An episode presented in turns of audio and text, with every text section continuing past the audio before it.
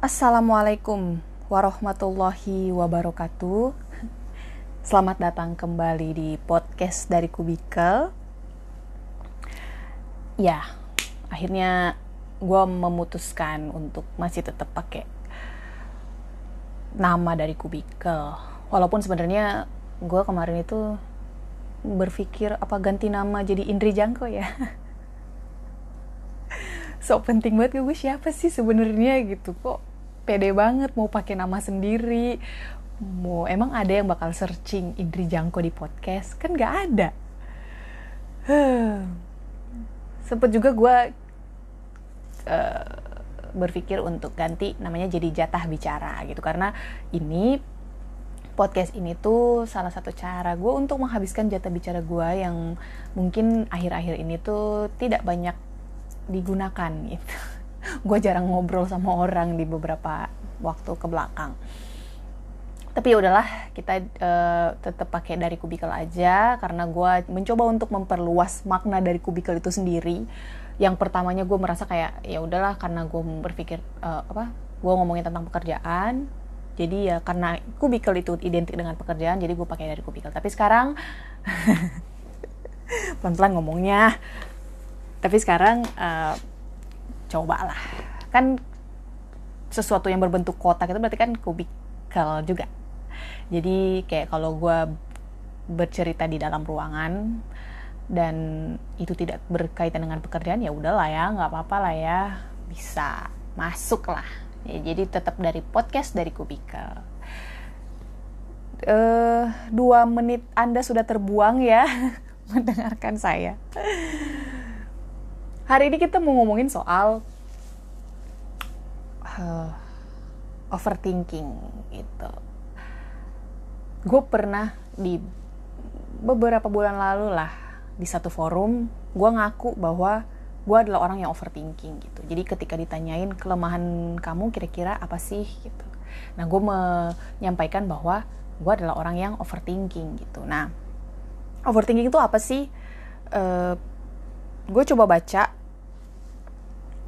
nggak riset sih sebenarnya. Cuma kayak uh, gue searching di Google overthinking adalah. Terus habis itu dia muncul bahwa overthinking itu memikirkan segala sesuatu secara berlebihan.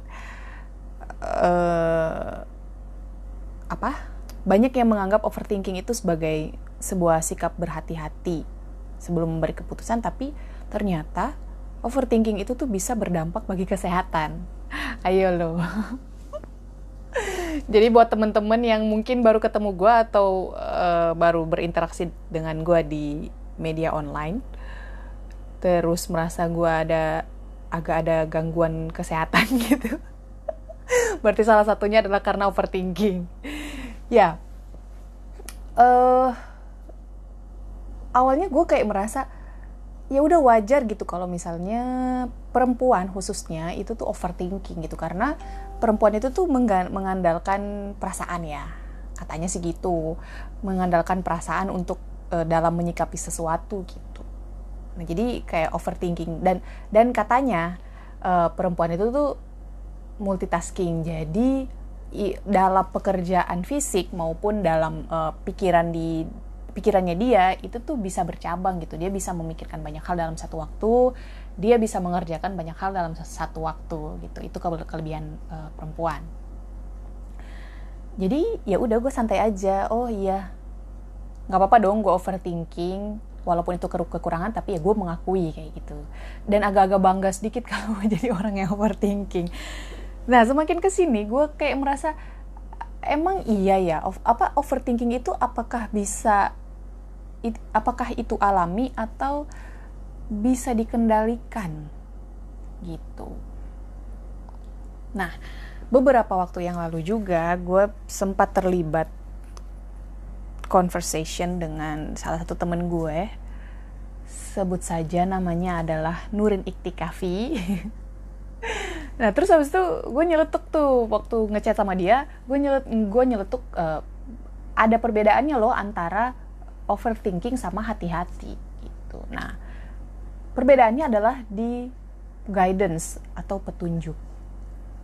Orang yang overthinking itu biasanya tuh membiarkan uh, apa ya pikiran dia tuh liar gitu dia membiarkan uh, hal-hal yang buruk itu menyusup dan membuat apa ya dia membiar, membiarkan itu berkembang secara bebas berkembang jauh lebih besar uh, tanpa direm gitu nah tapi kalau hati-hati ya apa ya mempertimbangkan sesuatu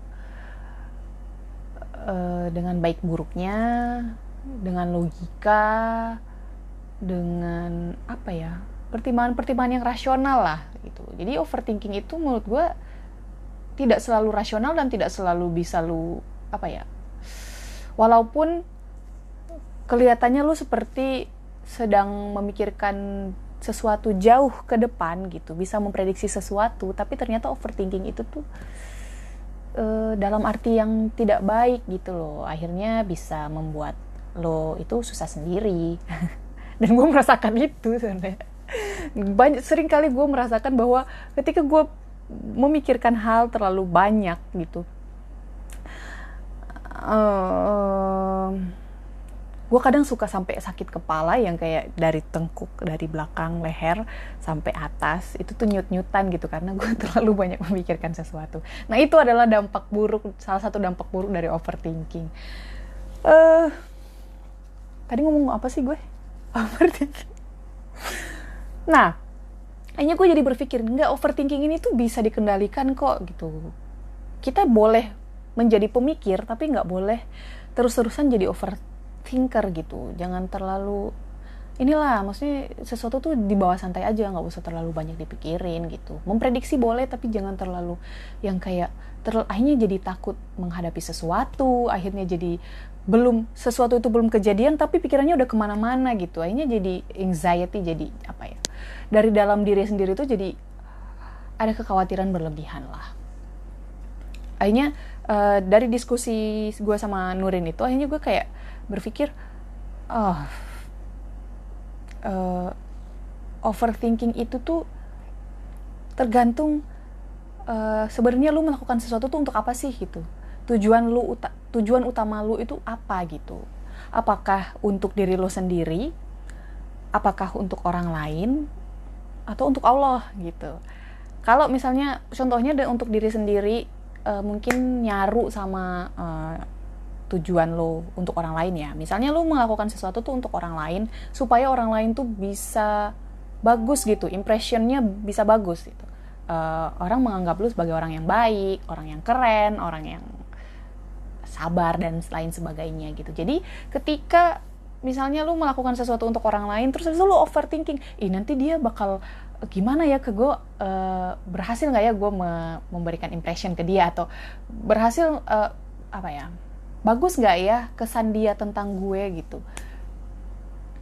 Akhirnya jadi kayak gitu modelnya. Jadi terus terus kalau misalnya ini nggak nggak berhasil gimana dong nanti? Oh, nanti hubungan hubungan pertemanan gue sama dia bakal gimana ya gitu? Atau kalau dia tersinggung gimana ya? Kayak gitu. Nah akhirnya ya itu uh, tergantung kita apa niat kita tuh apa gitu untuk melakukan sesuatu. Kalau gue kasih contoh kalau misalnya kita ten, uh, melakukan sesuatu itu tentang uh, karena Allah gitu. Uh, gini uh, gue mau disclaimer dulu uh, gue berbicara kayak gini tuh bukan karena gue selalu bisa menghandle diri gue sendiri, gue bisa mengatasi overthinking atau gue selalu orientasinya langsung straight untuk Allah dan gue uh, pamer ke lo nggak juga gitu. Tapi uh, gue mau ngajak uh, teman-teman yang mendengarkan di sini tuh untuk ayo berjuang uh, setiap kali kita melakukan sesuatu tuh coba kita tuh uh, Allah dulu gitu ya. Allah dulu Allah lagi Allah terus gitu. Jadi kerasa bedanya ketika uh, lu melakukan sesuatu itu untuk Allah itu nggak akan jadi overthinking kalau menurut gue karena hmm, apa ya akhirnya kita jadi slow gitu nggak sih? Kayak uh, ketika kita melakukan sesuatu, sesuatu terus kayak oke okay, yang penting niat gue udah bener yang penting cara gue udah bener ya udah. Kalau misalnya memang uh, nanti pun sesuatu yang buruk terjadi atau misalnya temen kita responnya nggak baik ke kita mungkin ada sesuatu yang uh, pengen Allah ajarin lewat itu gitu.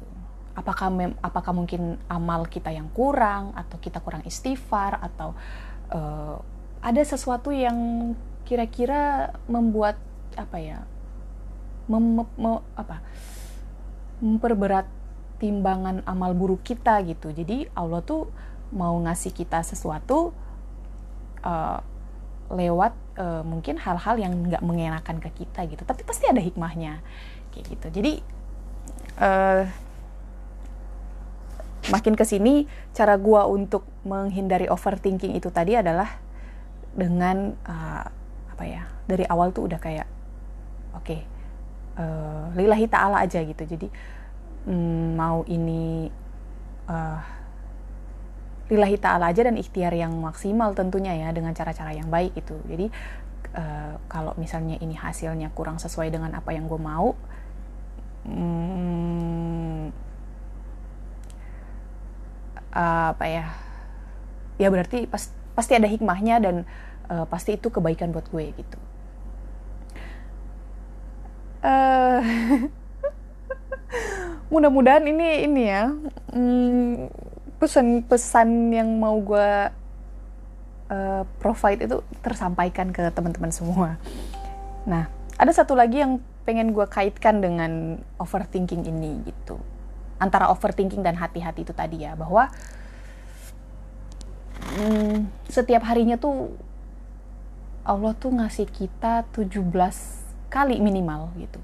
Kesempatan 17 kali minimal melalui sholat lima waktu supaya kita tuh dapat guidance dari Allah gitu. Supaya kita nggak overthinking. Supaya uh, apa ya pikiran-pikiran kita yang jauh ke depan atau prediksi-prediksi kita itu tuh sesuai dengan guidance-nya Allah gitu.